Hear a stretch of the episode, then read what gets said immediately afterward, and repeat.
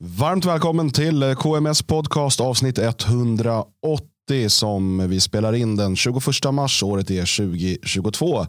Vi, ja, vi är tre personer som sitter här i Svenskarnas hus. Det är jag, Dan Eriksson och så är det Björn Björkqvist. Och så har vi Jalle Horn. Ja, visst. men var är Magnus undrar ni?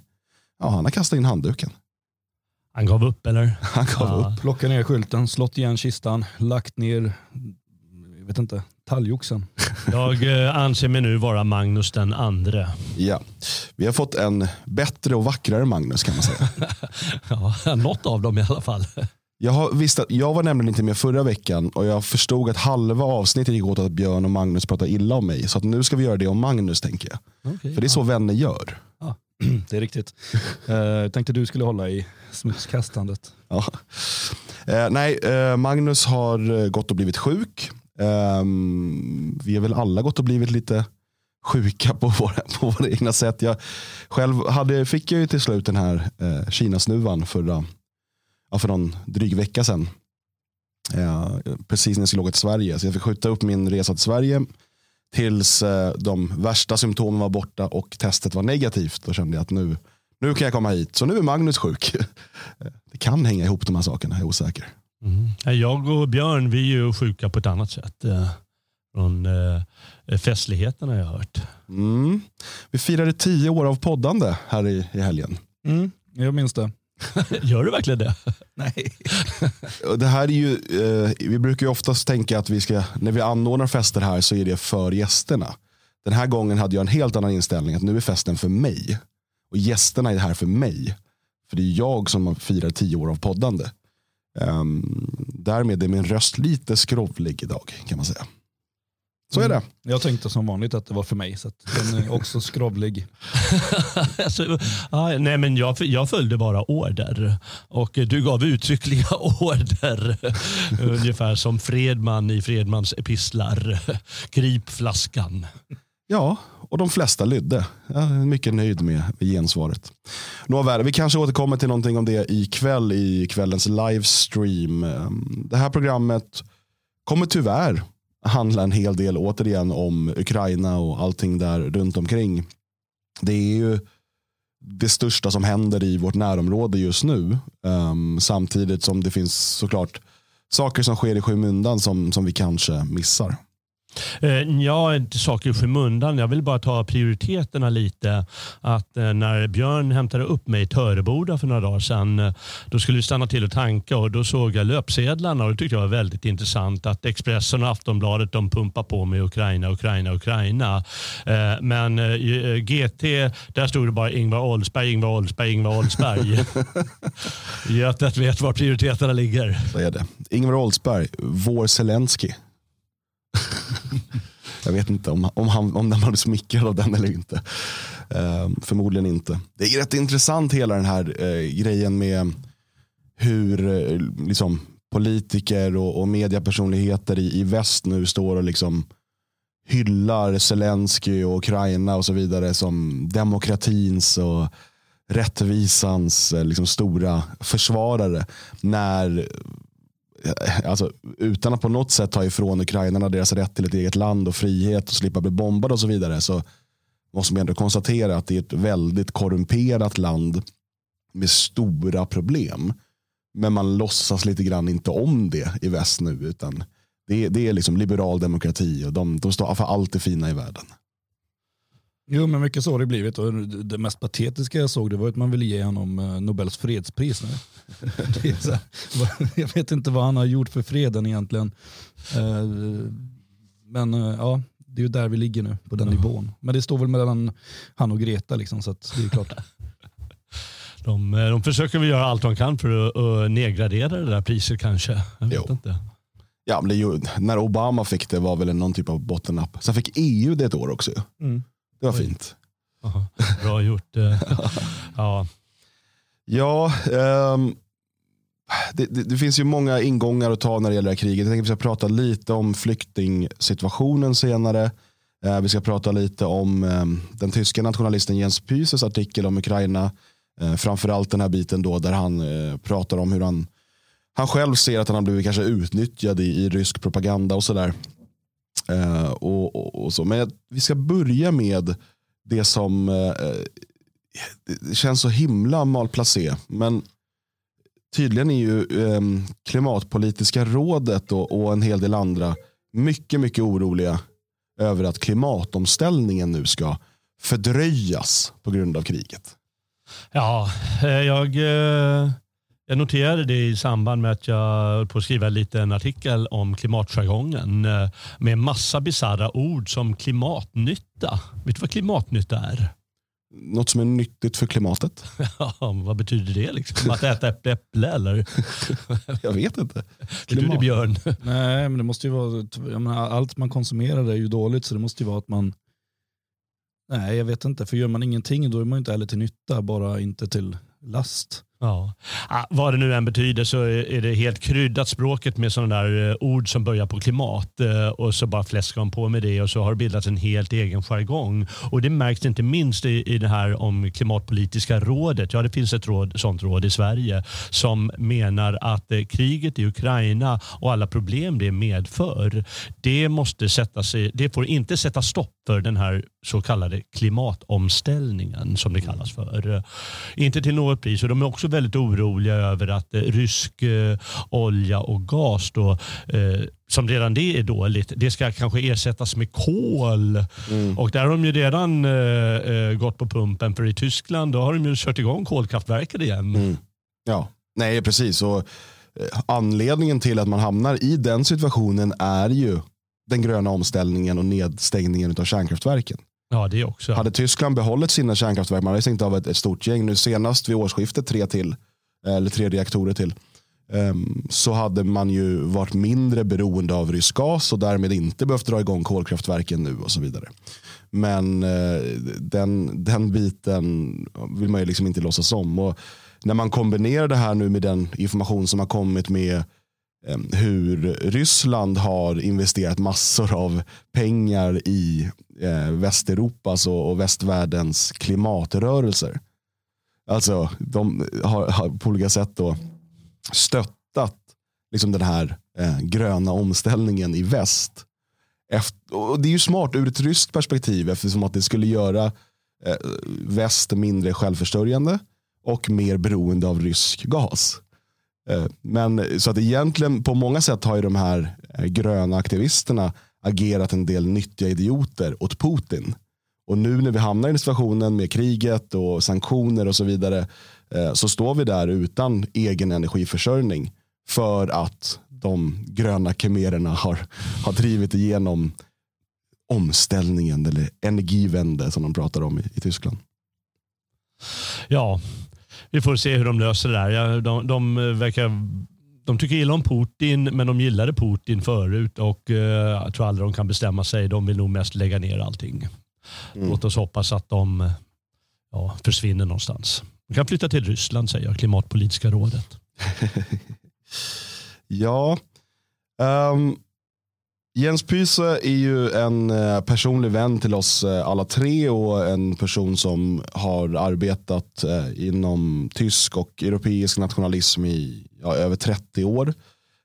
drivit många stora framgångsrika projekt, suttit i partistyrelsen för Nationaldemokraterna i Tyskland och mm, ja, har, har en, lång, en lång historia av arbete för, för det tyska folket och för Europas frihet. Ehm, I, med, I samband med invasionen av Ukraina så publicerade han eh, en artikel, först på tyska och sen i engelsk översättning eh, som har fått eh, överskriften Solidarity with the Ukrainian people, the hour of need. Och dels eh, pratar han då lite om konflikten och dess komplicerade historiska rötter.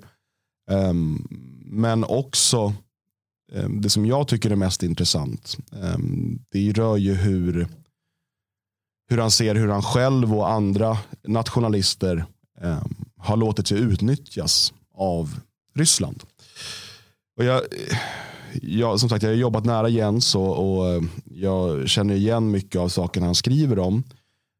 Jag följde aldrig med på någon av alla de här inbjudningarna till, till Ryssland.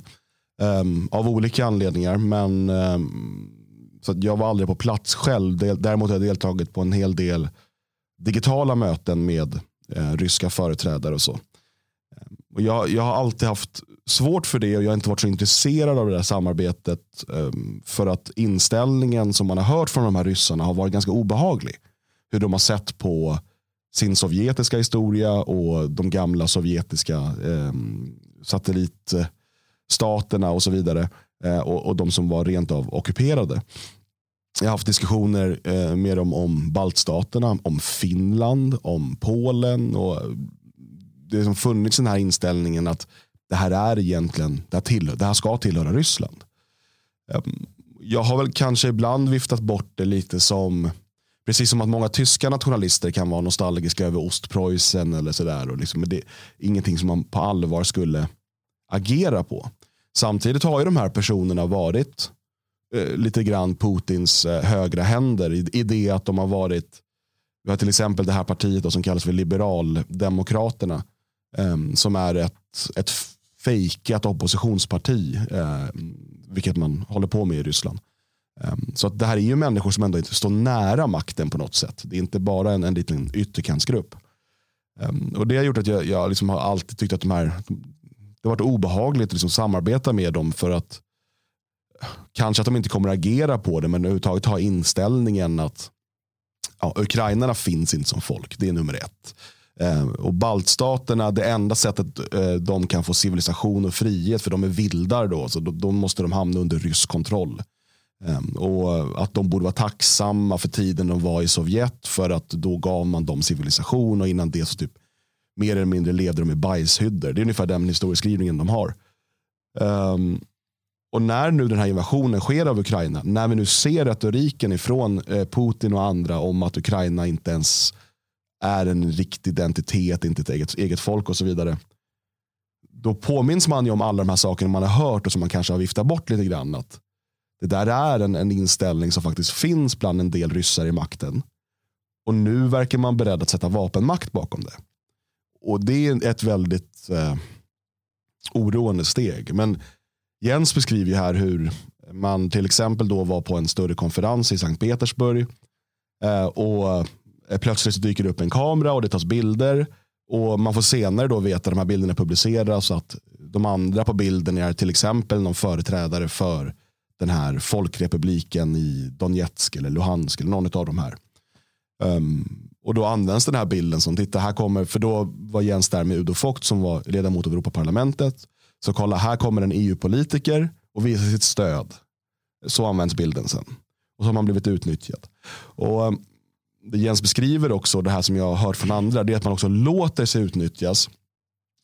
Man måste tänka här då på att nationalister i väst eh, har behandlats som paria, som, som cancer. Man, man får inte ens, men titta bara på Sverigedemokraterna i Sveriges riksdag när, man ska, så här, när det är någon stor typ corona eller någonting, flyktingkrisen. Så här, nu ska alla partier samlas, utom Sverigedemokraterna. De får inte ens vara med på liksom mötena där sådana ska diskuteras. Och då är det ändå Sverigedemokraterna med upp mot 20% av rösterna. Och, och jämför man då med nationalister som NPD i Tyskland eller eh, sådana partier och liknande som jag och Björn har varit engagerade i. Ehm, så bjuds man liksom aldrig in till debatt. Man tillåts inte delta i samtalet på samma sätt. Man tillåts inte hyra lokaler och så vidare.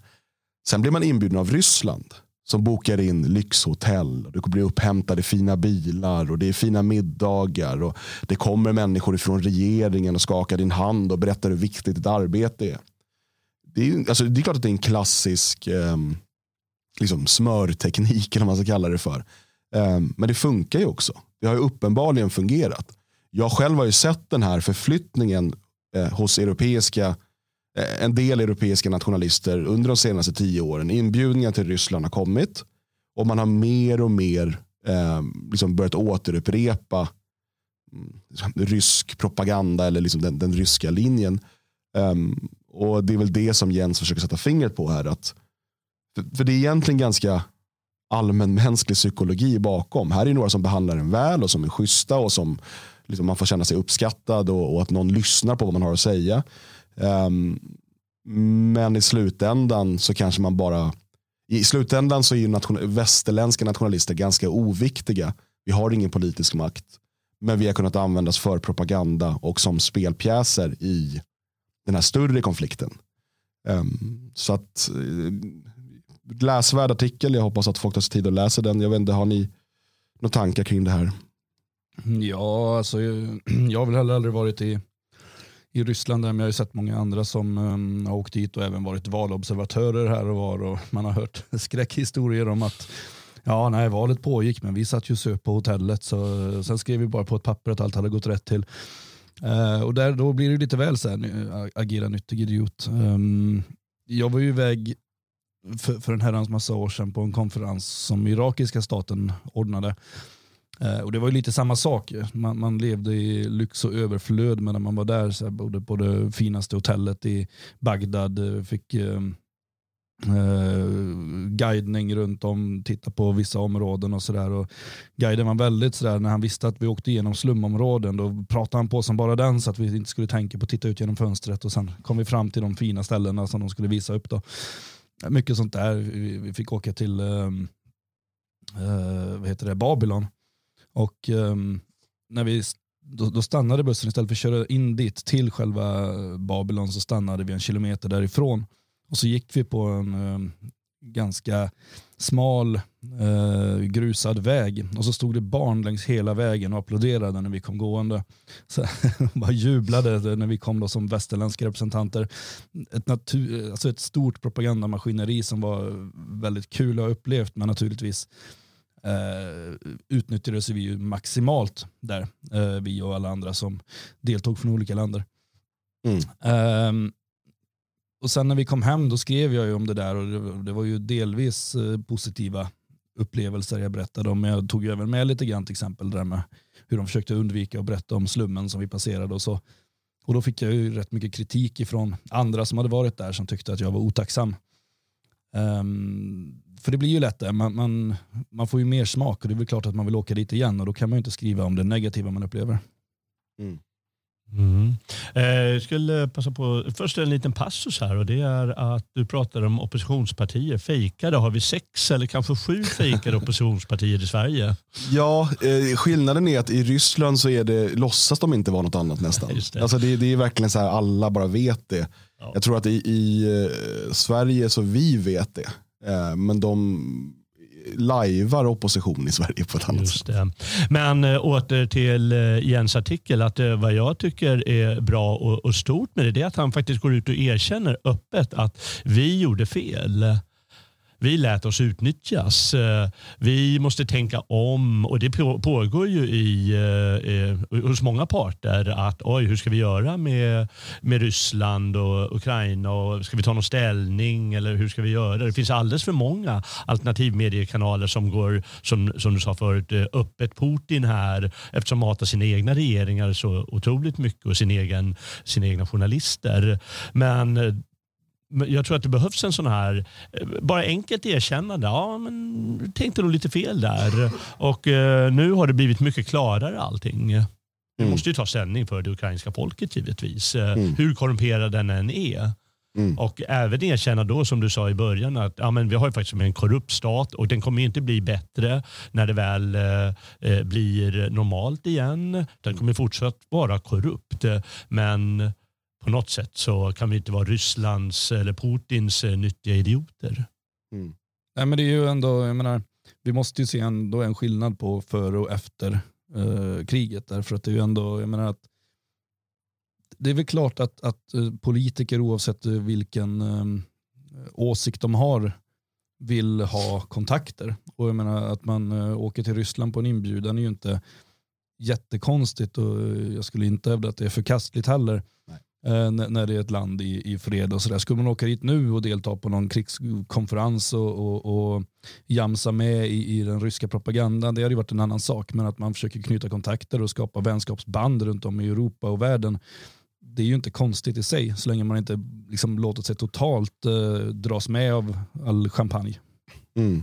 Ja, för mig med Europa Terra Nostra var det också, jag var inbjuden till en digital konferens här, en rysk i höstas. Ehm, den blev dock uppskjuten av någon anledning. Eh, jag minns inte varför. Men ehm, min tanke där är ju, alltså, det kan ju verka som liksom den naiva i ett en inställningen men jag är ändå av, av idén att om vi försöker prata med alla parter i de här konflikterna så är det åtminstone en större chans att man någon gång kan få dem i ett gemensamt samtal och kanske ta något myrsteg i rätt riktning än om man helt eh, avfärdar det. Liksom. Um, så att, men, men, du har helt rätt Björn, nu, nu när liksom, mitt under brinnande krig är man i en helt annan situation.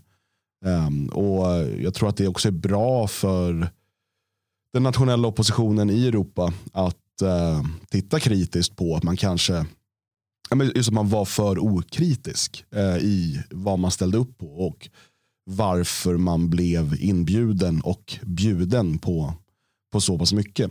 Det finns ju i, i mainstream media har man ju ofta försökt få det till att eh, liksom, mm, nationalister och högerpopulister och så vidare att de skulle vara eh, betalda av Ryssland och det skulle komma massa pengar från Ryssland och så vidare.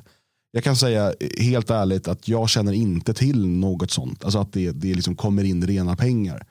Det som har funnits däremot är ju den här typen av eh, ska man säga, eh, bjudresor eller vad man ska kalla det för. Ofta har man för sig betalat resorna själva men man har bjudits på fina hotell och fina och sådär. Men det, det är inte så mycket konstigare än att det har man ju bjudits på i Bryssel också. Det, har bjudits, alltså, det, det, är, det är ju en del av att vara värd om man bjuder in någon. Um, sen, sen att eh, det har varit lättare att få till en, eh, liksom en, en konferens med någon som står nära Putin än någon som står nära Macron. Det, det är vad det är. Liksom. Det, det, det, som det Eh, men som sagt, eh, den här artikeln finns på medium. Eh, kan man absolut eh, passa på att ehm, läsa. Ehm, det som sker nu är ju en, en eh, flyktingsituation i Europa som påminner inte alls om 2015. Alltså den påminner i det, alltså att det är flykt, eller flyktingar, då kanske påstådda flyktingar. Men att nu så är det framförallt, jag säger framförallt för inte enbart, men framförallt kvinnor och barn eh, som, som flyr. Eh, det är framförallt vita, alltså ukrainska kvinnor och barn. Eh, och eh, det är framförallt människor som inte flyr för att de söker en bättre ekonomisk situation utan för att det faktiskt eh, bombas där de bor.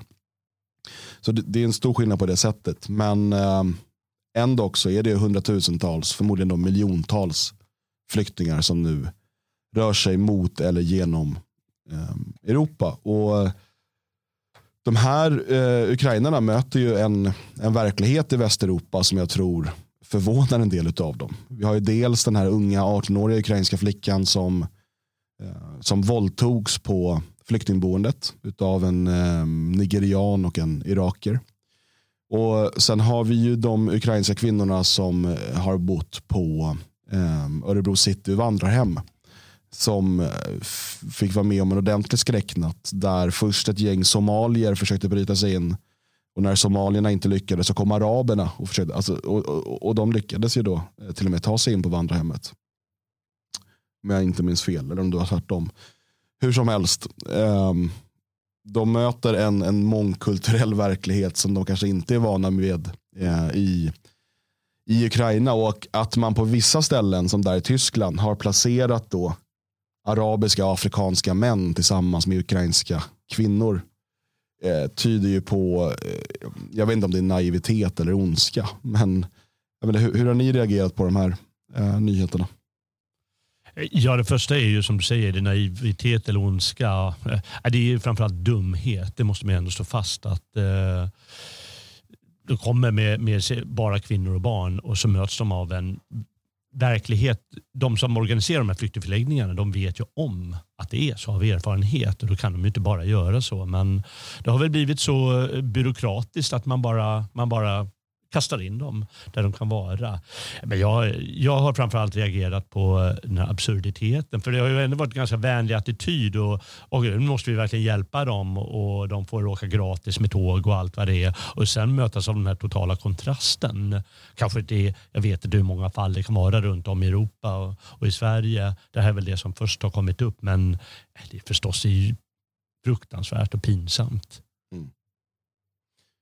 Ja, men, tänk dig, nu vet vi inte hur länge krig kommer pågå, liksom när de här människorna kommer åka tillbaka till Ukraina och så vidare. Det kan vi prata lite om sen. Men om de sen ska placeras ut i Ska de placeras ut i Rosengård och i Fittja och Tensta?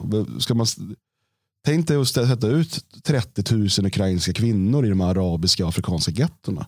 Ja, nej, det blir, det blir alltså, det har ju pratats mycket om att ja, men kommer de här sen återvända eller inte. Jag är ganska övertygad om att folk är ganska mätta på Sverige. När, så när det väl uppstår fredssituation eller kanske rent av tidigare när, när, vissa områden är säkrade i alla fall så tror jag att många kommer att återvända mm, i princip alla. För att, eh, jag tror inte Sverige är vad det står i resebroschyrerna så att säga. Mm. Mm, nu har det gått så fort så det, de som flyr här de är inte organiserade genom eh, eh den här flyktingindustrin eh, på samma sätt. Eh, utan de har ju ganska snabbt kunnat ta sig hit och placeras någonstans, kanske för fort eh, rent av. Eh. Men, men däremot tänkte jag på man kan, kan vända lite på det för någonting blir väldigt synligt nu när, när de här männen går och, och bryter sig in eller nästlar sig in för att få eh, ja, våldta eller vad de är ute efter ja. eh, några ukrainska kvinnor eller i vissa fall har de gjort det redan. Mm. Eh, visar ju på någonting som vi har tagit hit då och som vi verkligen måste tänka på. Det blir ju synligt plötsligt. Eh, tidigare har det, ja men det är sånt som händer på flyktingförläggningarna kan man säga och så vidare. Men nu är det så uppenbart vad som händer. Att ja, men de tycker att det här är enkla offer och det kan vi göra på. Och det är det vi har tagit hit. Kanske har vi tagit hit någon sorts incel-problematik som finns i de där länderna. Mm. Det vet inte jag. Men är det någonting som vi för det första vill importera till Europa och spä på här och göra ännu mer av? Och Jag kan tänka också det här, eh, om ni har hängt med vad som händer längs amerikanska eh, sydgränsen när det senaste året har kommit eh, ja, en miljon eller två miljoner personer från utlandet.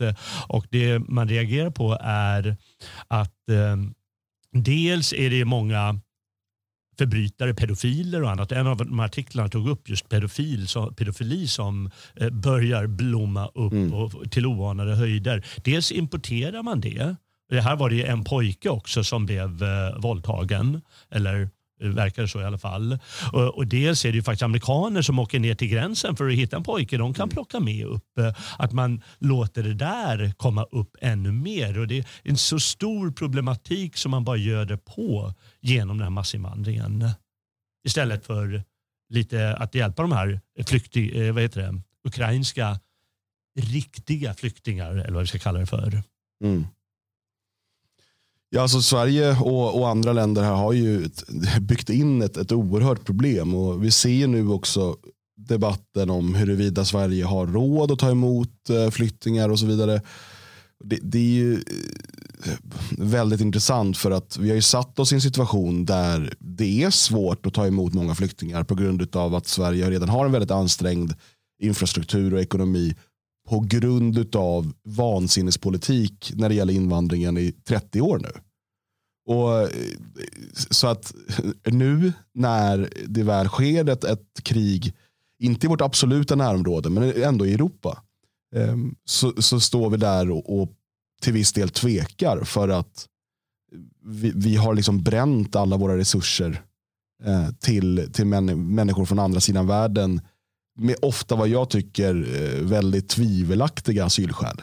Um, så eh, det, det, är en sån situation vi har, vi har hamnat i. Men samtidigt så finns det vad jag tycker det verkar som i alla fall från civilsamhället som man så fint talar om. Alltså en, en stor vilja att hjälpa till. Eh, öppna sina hem. Polen har ju visat det om inte annat. I stort sett varenda flykting som de har tagit emot har ju inkvarterats hemma hos folk. Det är inte stora flyktingförläggningar och så. Utan det är polacker som öppnar sina hem eller ukrainare som bor i Polen som öppnar sina hem. Eh, och vi ser eh, liknande tendenser i, um, i Sverige också. Och det här har ju upprört eh, dels utlänningar.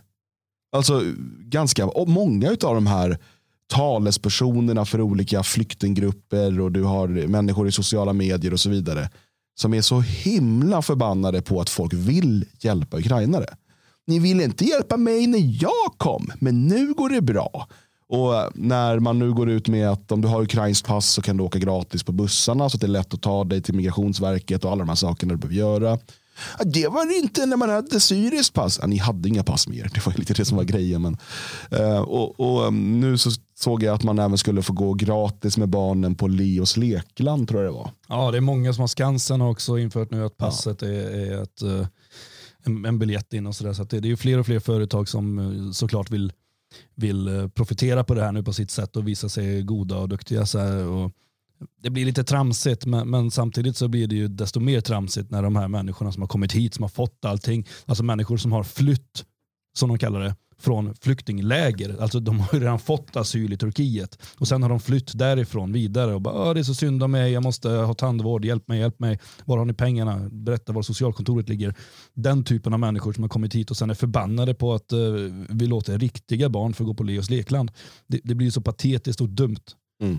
Uh, jag har varit på Leos lekland någon gång och jag fattar att de är avundsjuka för det brukar ju alltid vara ett gäng 20, 25, 30-åriga araber som håller på att hoppa runt där och stör de riktiga barnen. Så jag fattar att de vill dit, men, men det blir oerhört patetiskt och otacksamt när de håller på sådär. Och, och att de eh, inte kände sig välkomna tidigare, det beror ju på att de inte var det. Mm.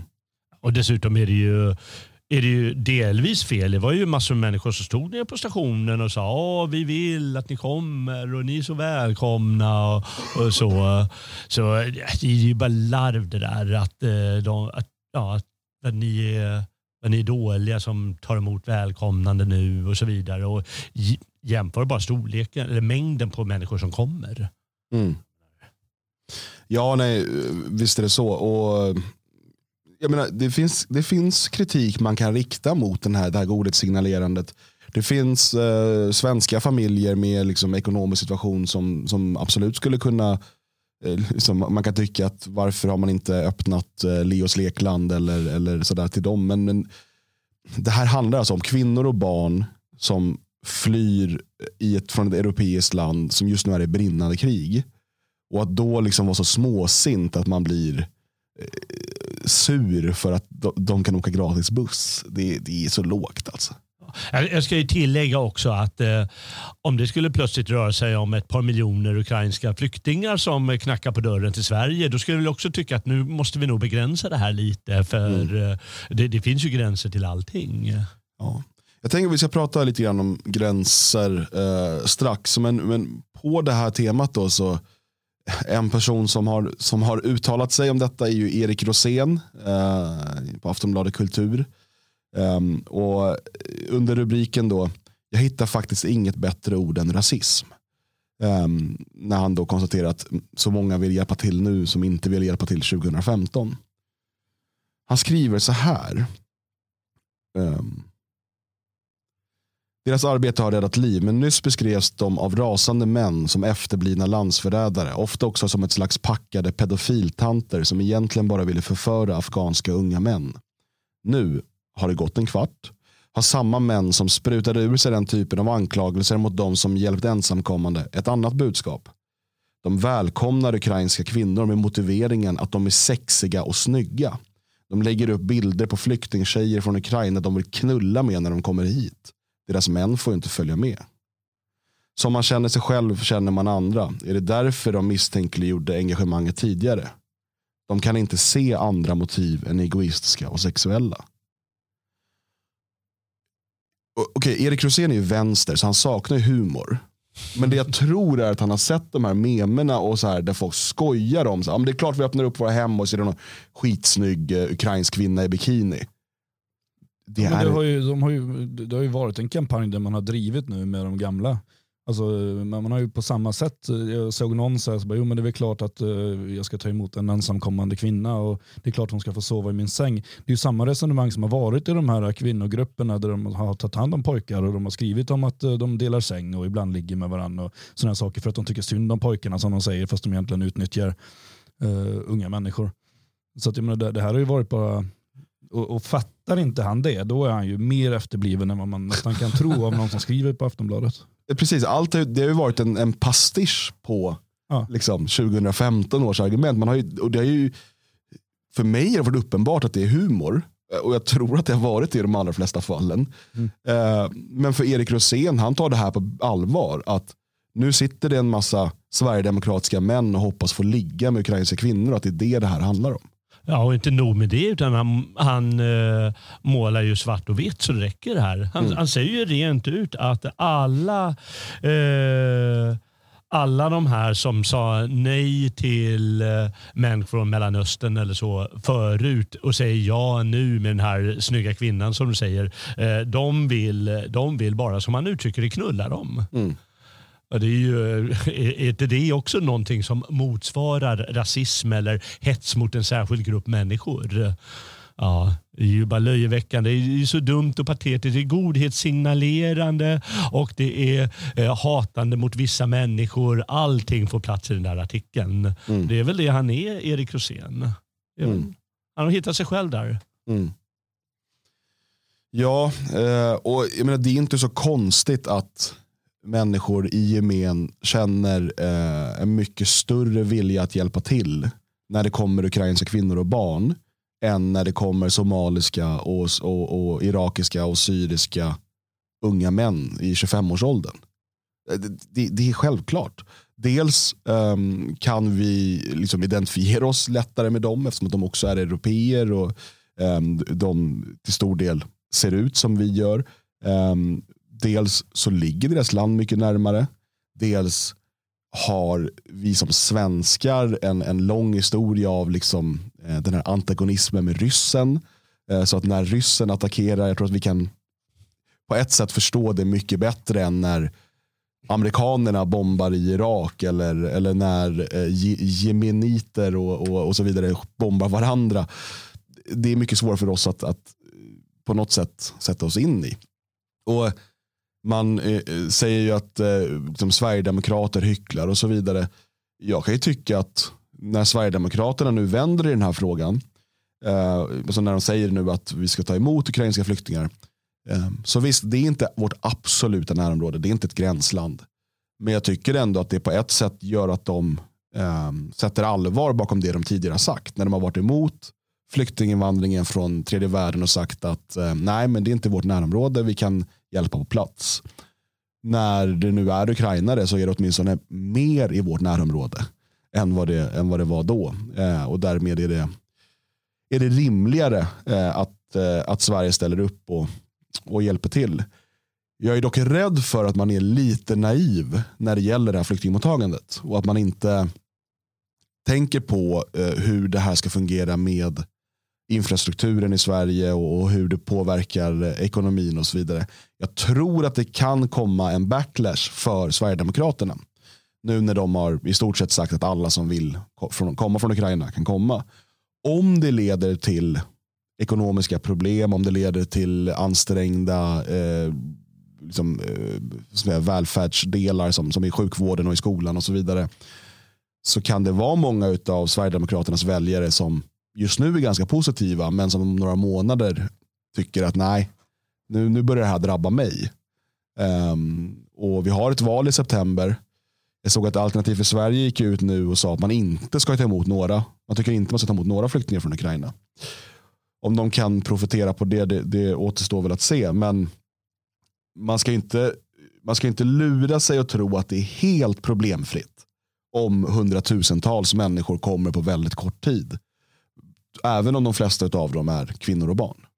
Nej, men det, det, det, jag menar, hade det varit um, bara vuxna män som hade kommit så hade jag haft sina problem och, och, och, nu har det andra problem. Jag tror det hade varit lättare att snabbt få ut eh, vuxna män i arbetslivet till exempel. Uh, låta dem göra någon nytta istället. Jag menar, det kan vi inte göra med barn utan här måste vi snabbt som bara den få fram skolor till exempel. Uh, se att här i Elgerås har det funnits en flyktingförläggning för den eh, anses obeboelig nu. Vi får se vad, vad som händer för att kommunen här har ju ändå lovat att ta emot 500 flyktingar och det är lite oklart vart de ska kunna ta vägen. Men om vi säger att de skulle hamna här, då ska ju skolan som eh, precis har anpassat sig efter att inte ha en massa flyktingbarn göra om igen och anpassa för det och få in massa tolkar. Och det, det är väldigt mycket omkring som kostar väldigt mycket pengar och som kommer bli kaosigt och det kan vara barn som har sett otäcka saker och, och inte um, kommer att um, direkt försöka integreras utan blir stora problem på skolorna och sådär. Så, det kommer bli jätteproblem om det kommer väldigt många, helt klart. Um, är det värt det? Alltså, det är väl klart att det är bättre att försöka hjälpa människor i närområdena som AFS är ute efter nu. Om det inte är möjligt så måste Sverige stå redo att försöka hjälpa till. Men jag tror inte man ska hålla på sådär fanatiskt med integrationstankarna och sådär utan låt dem vara här en period och skicka hem dem. Låt dem missa skolan ett år. Låt dem eh, håll dem ganska för sig själva. Det behöver inte vara eh, så bra som möjligt. Det måste inte finnas en tv i varje rum, det måste inte finnas tv-spel, det måste inte finnas tusen olika grejer de ska få göra, de måste inte få gå på Skansen gratis utan de behöver skydd för sina liv, de behöver komma bort från bomber. Ge dem det, men ge dem inte hur mycket som helst och framförallt försök inte göra dem till svenskar utan det, målsättningen måste ju vara att de ska tillbaka så fort som möjligt. Där har ju Sverige gjort fel jämt och fortsätter att göra det. Mm.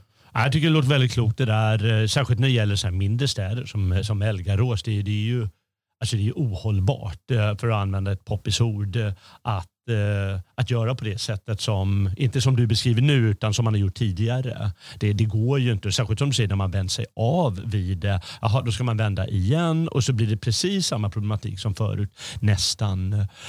utan jag tycker också verkligen, nu har man ju möjlighet att satsa mer på hjälp i närområdet eftersom ändå västra Ukraina är inte helt men, men i, i, i stort avskilt från eh, krig, krigszonerna.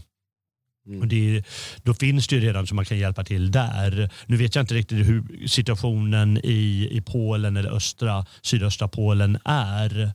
Och de har förstås, de ber ju alla andra om hjälp också, men det måste de ju göra.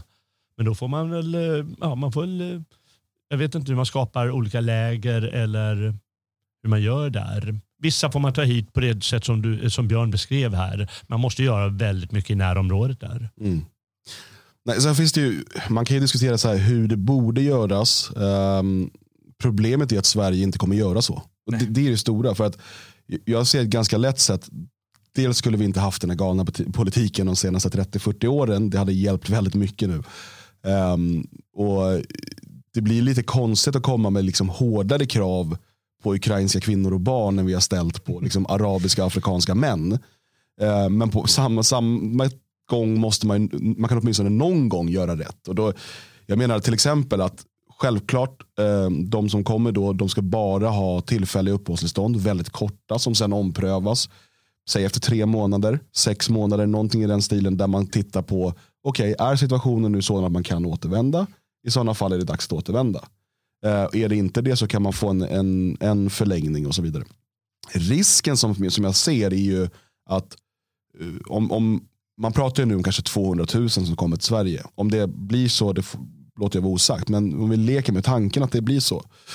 200 000, eh, framförallt kvinnor och barn som kommer till, eh, till Sverige. Kriget drar ut på tiden. Eh, det blir inte riktigt eh, säkert och möjligt för de här människorna att återvända eh, under hela det här året. De börjar mer och mer komma in i det svenska samhället, för så blir det naturligt. Eh, barnen skaffar vänner och lär sig språket och går i skolan och, och sådär. Eh, till slut eh, har man då möjlighet till familjeåterförening. Och man har börjat rota sig i Sverige, som ju eh, har än så länge en, faktiskt en bättre liksom, ekonomisk situation än vad Ukraina har. Stora delar av Ukraina Eh, är ju faktiskt ganska, på, på vissa sätt efterblivet. Alltså, många av de mindre städerna, många av stora delar av landsbygden och så vidare. Absolut, går du i stadskärnan i, i Lviv eller i Kiev, det är jättefina städer. Men det är så, eh, Ukraina är ju så mycket mer än det. Så jag ser inte det som en omöjlighet att en, en, en ansenlig del av de här 200 000 känner att ska vi inte stanna här i Sverige och återförenas med familjen här? Här finns det mycket mer möjligheter. Alternativet är att åka tillbaka och försöka bygga upp kanske mitt, vårt bombade hus eller sådär. Det, det, det, precis som alla människor söker man lite där minsta motståndets väg och känner att det är lättare att vara kvar här. Här är det lite mer serverat. Och Det går att argumentera för, jag vet att en del gör det, att det kanske är positivt ur en demografisk, eh, liksom, om man ser det de är visserligen inte svenskar men det är åtminstone fler vita som kommer till, till Sverige. Och, och, eftersom att vi inte föder barn så kanske vi får importera vita. Då. Um, och, och, om man jämför det med de polacker som kom till Sverige på eh, 60, 70, 80-talen um, så har ju deras då barn och barnbarn nu väldigt alltså vi ska säga, ganska hög utsträckning integrerat i Sverige och en del, alltså, de flesta svenskar ser eh, alltså barn, eller människor som är födda av polacker i Sverige som svenskar. Man ser det som en del av vårt folk. Um, och man kanske tänker att ukrainarna kommer att gå en liknande väg, men det vet vi ju inte. Um, så att jag tycker att man får inte vara naiv och bara tänka att ja, men de, det går att bara öppna gränserna och hjälpa alla ukrainare här. Utan det, det finns en hel del risker man ska vara um, redo för. och, och, jag har liksom ingen, ingen bättre lösning. Jag vet som AFS då säger, när vi tar inte emot någon. Uh, jag, jag, jag, är inte, jag är inte helt bekväm med den inställningen uh, när det är ett land i Europa. Nej, men samtidigt så har ju AFS inte makten. så att, uh, det är väl lite grann deras uppgift att uh, säger alla att alla ska komma så blir det deras uppgift att säga att ingen ska komma för att på något sätt försöka åtminstone pressa på att kanske något färre ska komma för folk åtminstone att tänka till. Eh, och sen är det ju val som sagt och många kommer nog vara irriterade på flyktingströmmarna om de kommer igång ordentligt fram till valet ungefär. Så det, det, kan ju vara strategiskt helt riktigt. Eh, en annan fara som finns med det hela det är ju att vi, vi har ändå sett alla de här bilderna från eh, flyktingköerna och folk som har försökt ta sig på bussar och tåg och sånt där. Och att det har ju varit väldigt, väldigt mörkt. Väldigt många mörka människor mm. har försökt eh, ta sig och det finns en ganska stor zigenarpopulation och sådär i Ukraina. Att eh, plötsligt de här flyktingboende eller de som hyr ut eller lånar ut sina sommarstugor och husvagnar och sånt där. Plötsligt så har de eh, zigenare i husvagnen istället för eh, en, en uh, ukrainsk familj som man hade tänkt sig. Det kan bli en Eh, ett bakslag på det sättet också. Att ehm, folk börjar känna att det här är ju inte, det här är ju inte eh, människor av vår sort vi hjälper. Jag vill eh, inflika ännu en liten sak här, ännu en fara. Och det är ju att man, då, lägger man, då kommer, lägger man den slutgiltiga agendan. Då har vi, vi har tidigare haft den här massinvandringen som vi har hållit på med de här 30-40 åren som har liksom stigit hela tiden. Och sen så när så stor opposition ändå tycker att det äh, finns som säger att ah, men det här alltså, det kommer inte funka i längden, det går inte. Och så säger man ja till de här ett par 300 000 uh, ukrainska uh, familjer, kvinnor och barn i första hand, men sen med lite återförening och så vidare. Då kommer man säga att ja, men då kan vi fortsätta i all evighet. Mm. Då, kan vi, då, då står det fast. Det, Sverige är balkaniserat kommer sägas och uh, det spelar ingen roll vem som bor där. Mm. Och då, är det ju, då, då kan man ju glömma Ja, så, är det, så är det och det ligger ju något i de här argumentationen som förs. Nu, jag, jag mm, läste precis nu också en artikel av någon ordförande för ensamkommandes riksförbund eller liknande namn som äh, menar på att det här är ju rasism det som pågår just nu, att vi tar emot de här och äh, att alla som flyr från krig måste vara välkomna i Sverige, slår han fast som nyanländ. Eh, det ska han bestämma. Men för att annars är det rasism. Och risken är ju att alla de här konservativa typerna nu sen vill bevisa att de inte är rasister. Så att nästa våg från eh, ta vilket land som helst, Somalia, så står de där och tycker att ja, nej, men vi är inte rasister, kolla här nu, nu släpper vi fram dem, nu hjälper vi dem fram. Alla sådana här Bert Karlsson-typer och, och eh, han är ju igång direkt igen nu för övrigt och ska profitera på det här kriget också, har startat upp sina flyktingförläggningar och, och jag såg någon film han precis la upp där han stod bredvid någon kvinna från eh, Elfenbenskusten eller vad det var som var tågvärdinna och stod och klappade henne på axeln och sa att hon var Sveriges framtid. Eh, det kan mycket väl bli eh, ett sånt bakslag att just nu så garvar vi åt rasismanklagelserna men sen kommer alla de som ska bevisa att de inte är rasister och kämpar för fortsatt eh, mottagande. Mm. Ja, jag tror att SD kommer väl inte ha något svårt att eh, svänga igen så att säga. För att det här är ju återigen, vi kan diskutera vad som är närområde, men det är betydligt närmare än, än Syrien i alla fall. Mm. Um, så, uh,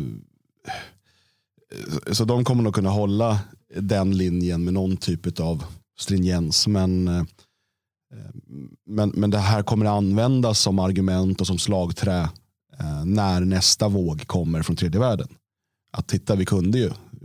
om vi kunde öppna upp våra hem då så kan vi göra det nu. För att det är också en skillnad. Vi kommer inte vara lika duktiga som Polen på det, men jag tror absolut att vi kommer se betydligt fler som är beredda att öppna upp sina hem eller sina sommarstugor eller så.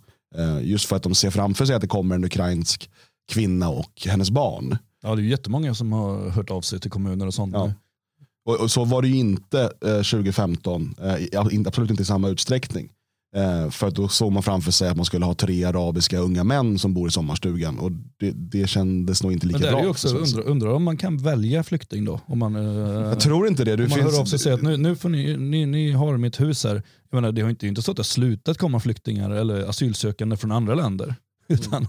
utan man, man bara, ja nej, men här har jag ett hus, ta det. Och sen bara, ja, här kommer familjen och ska flytta in.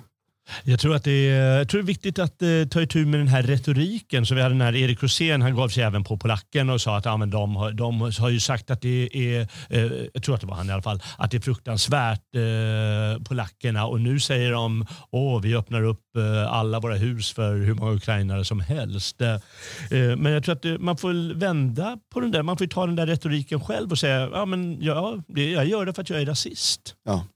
Och att man kan få folk att eh, tänka och framförallt medge det. För då så kan de inte angripa dem den vägen. Enda skälet till att folk blir räddade där det är för att det anses vara ett skällsord och att det är en dålig inställning. Men om man kan säga, få folk att positivt säga ah, men jag vill ta emot ukrainare för att de är ukrainare och inte afrikaner. Mm. Då är väldigt mycket vunnet tror jag. Mm. Folk försöker väl eh, motivera det här både för sig själva och eh, offentligt eh, utan att behöva säga det. Men det är ju det som ligger i grunden. Alltså dels att de är etniskt mycket närmare oss, att de är vita, att de är europeer. Eh, dels att man ser framför sig att det är kvinnor och barn. Eh, de två sakerna är ju det är de grundläggande ehm, argumenten tror jag varför folk är mycket mer benägna att hjälpa till nu. Um, samtidigt, man, jag såg på tysk, i tysk media försöker man göra en grej av att uh, det är någon typ av nätverk, jag tror det här var i, uh, i Sachsen någonstans, något nätverk som då hjälpte till med flyktingmottagandet 2015. Uh, eh, och de har nu aktiverat ett arbete igen. Att man försöker få det till att det är lite grann samma eldsjälar som nu återigen. Ehm, jag är inte helt säker på att det är det. Eller jag är ganska säker på att det inte är det. Jag, många av de här Ehm, um, medelålders kvinnorna som, som var jätteglada 2015 och ville hjälpa till. Jag tror inte att de brinner lika mycket för det här. Det här är inte riktigt, riktigt, riktigt lika intressant för dem. Och jag tror också att det är viktigt att slå ett eh, slag för alla de eh, eh de från vår sida som faktiskt har gjort en aktiv insats. Det är ju människor som bara packat sina eh, skåpbilar och ner till Ukraina. Det var ju, var ju folk på, på festen som mm. eh, redogjorde för att ja, han var tvungen att göra si och så. Det stoppades där och det fanns ingen, det fanns ingen eh, bensin att köpa och, och jäkla massa problem för att komma dit. Och jag har ju själv stått med, med Jens då och ja, vi skulle ju packa, packa, packa mediciner mm. och ha, så var vi tvungna att göra om det hela lite. Men i alla fall burit kartong gånger och, och håll på med den delen. Så att vi visar ja, vi har faktiskt aktivt hjälpt här för vi tycker att det här är vettigt. Då. Och när folk ser det då ser de en anledning till att göra det och inte bara en byråkratisk eller eh, godhetssignalerande eller sådana saker. Utan det finns en praktisk och eh, en känslomässig del till varför folk gör det här. Mm. Jag tror också att mycket av det här eh, när det gäller i Sverige hade kunnat skötas utan eh, liksom politikers inblandning. För att dels ukrainare har i grunden rätt till 90 dagars vistelsetid i Sverige. De behöver inte söka asyl för det. Um, och Jag tror att man hade kunnat ordna det här på ett privat och liksom, eh, civilsamhälleligt plan på ett, på ett utmärkt sätt. Um, det finns många som, som vill hjälpa till. Um, och man hade kunnat ordna med liksom olika typer av kontaktförmedlingar eh, nere vid gränsen och sen så, så para ihop med någon svensk familj som har ett rum att hyra ut och så vidare. Eller låna ut. Ja, hembygdsgårdar och sånt hade kunnat ja. öppna. Uh, och jag tror att nu när det här kommer in istället i Migrationsverkets uh, tröga maskineri uh, så riskerar det bara att bli sämre. jag tror att människor hade kunnat sköta det här själva mycket, mycket bättre. Så som det till stor del har fungerat i Polen. Eh, det, det, det, är jag övertygad om. Men så gör vi inte i Sverige. Det ska gå via byråkrater. Mm. så ska det, hälften av liksom resurserna försvinner i pappersvändande på vägen. Eh, och, och, folk bara väntar i evigheter. Jag vet inte om ni såg köerna till exempel i Sundbyberg utanför Migrationsverkets lokaler. Nej. Alltså det såg ut som brödköer i Sovjet. Alltså. Det var ju fan kilometerlånga. Och, eh, du vet, de, det är ju helt absurt att de inte, och det är ändå Sundbyberg, det är ju precis utanför Stockholms innerstad. Um, att de inte har på något sätt skapat ett system så att man åtminstone kan få en nummerlapp eller någonting. Utan de står i långa köer och sen plötsligt klockan 18 eller 17 då går de här hem från Migrationsverket. Då stänger de. Då får alla gå hem och så får de dyka upp på morgonen. Nu börjar en del tälta utanför och sådär. Det, liksom, det finns inte ett system för att ens kunna behandla människors eh, asylansökningar. Då. Alltså, det, och, som sagt, i Stockholm, jag förstår om det hade varit i en liten, liten håla någonstans.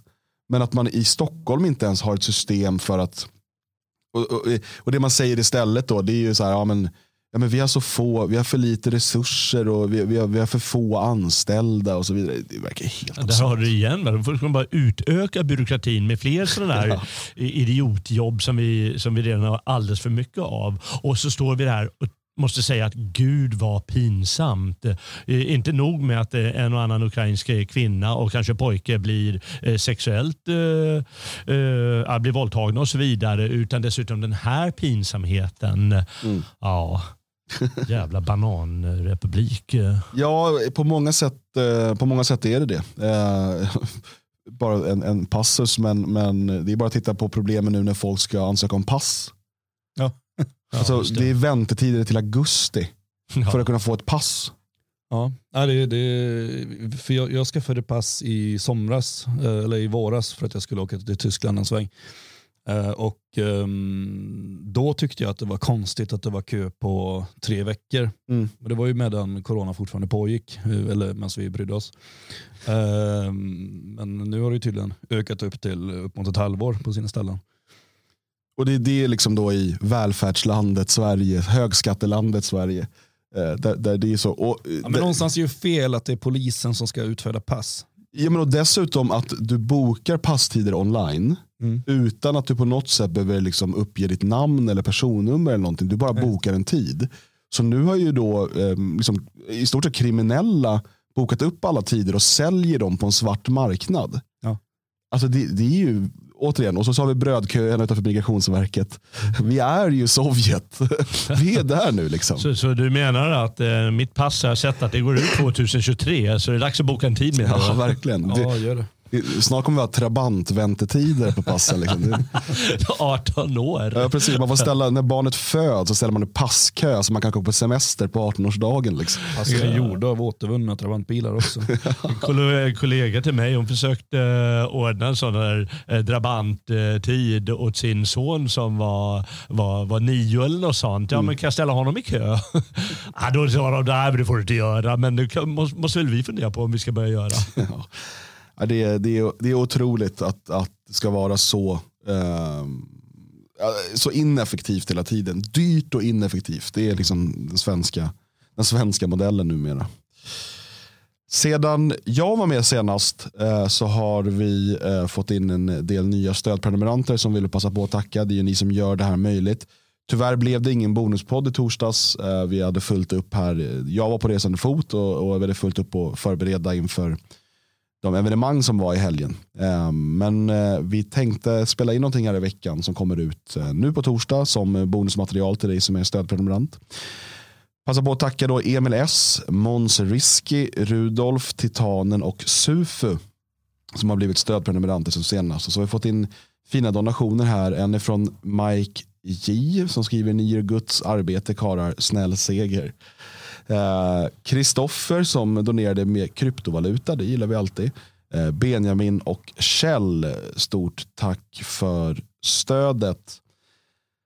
Ja, vad har vi att se fram emot den här veckan? Vi ska ju jobba på här i Svenskarnas hus. Ja, det är så mycket människor här nu så det, det, det, är lite roligt. Men, I vanliga fall så är det samma tre som går här och trampar på varandra. Så att, eh, vi ska försöka hålla oss ifrån varann och så umgås med er andra som är här så kanske det blir lite trevligt den här veckan. okay, jag trodde du skulle säga där, ja så det är lite jobbigt. nej, men, nej, men det är underbart. Man, man blir lite så här, uh, instängd när det är samma hela tiden. Så det är jättekul när det är lite nya människor. Mm. Ja, men vi ska nog kunna få en del vettigt gjort. Eh, vi, har ju snart, vi är snart friska efter helgens eh, bravader tror jag. Mm. Framåt måndag eftermiddag här någonstans så borde vi energin vara helt tillbaka. Nästa måndag. Nästa måndag ja. ja det... eh, själv ska jag förbereda en del saker också inför min flytt till Sverige eh, som ju blir av i början av maj. Och då Björn, då kommer du vara tvungen att vara med mig varje dag. Ja, men jag kommer nog tröttna på det med. Men uh, i början blir det kul. Det är alltid kul i början, det är som min fru också. Ja. Ja. Jag ska också passa på att jag ska, jag ska göra en ukrainare jag med. Att uh, jag ska flytta hem. Just det, du ska ju också fly. Nej, jag ska också fly. ja. Så du... ja, så jag, jag ska passa på, fast lite senare än dig. Det blir under sommaren någon gång. Ja. Jag eh, måste hitta, hitta boende och så måste ordna med flytt. Eh, eh, finns någon sån här flyttfond vi, vi har? Eller? Vi borde skapa en åtminstone. Så mycket som vi flyttar. Migrationsfond. ja. Ja, men vi kan ju passa på att fråga om det är någon som har en husvagn till Jalle. Så... ja, det, det är väl inte helt fel. Få en fru och barn och, och du och dina böcker i en husvagn. Det ja, ja, vi får sitta på dem eller någonting. Ha dem som bord. Ja. Nej, eh, så är det. Vi omgrupperar och samlas här i Elgarås. Eh, Svenskarnas hus öppnar ju sen också i maj återigen för allmänheten. Eh, all information finns på detfriasverige.se. Nu tackar vi för oss och önskar en eh, trevlig måndag så hörs vi ikväll 20.00 när det är dags för livestream.